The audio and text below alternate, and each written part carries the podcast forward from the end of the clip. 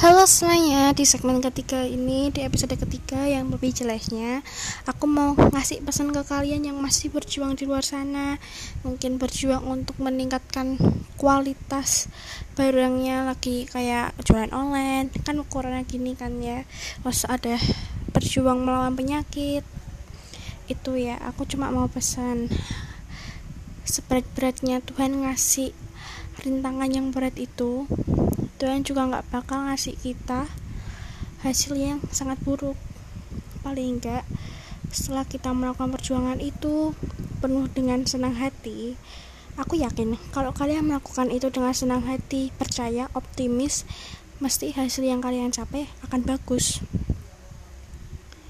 Nah untuk kalian di luar sana mungkin kalian pada tahu kesempurnaan hanya punya Tuhan. Tapi aku yakin kalau kalian berjuang itu dengan senang hati tanpa tanpa cemberut tanpa marah-marah aku yakin kalian akan mendapatkan hasil yang lebih bagus. Oke jadi jangan pernah patah menyerah ya. Oh ya satu lagi.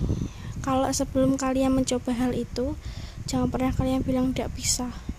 Karena itu yang bisa menggambarkan otak kalian aku udah nggak bisa. Berarti ya aku nggak bisa. Jangan bilang gitu ya kalian tuh harus yakin aku bisa mengalihkan rintangan ini. Aku bisa.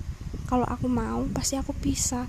Kalau aku niat akan mencapai mencapai hasil yang lebih bagus. Gitu ya teman-teman. Dadah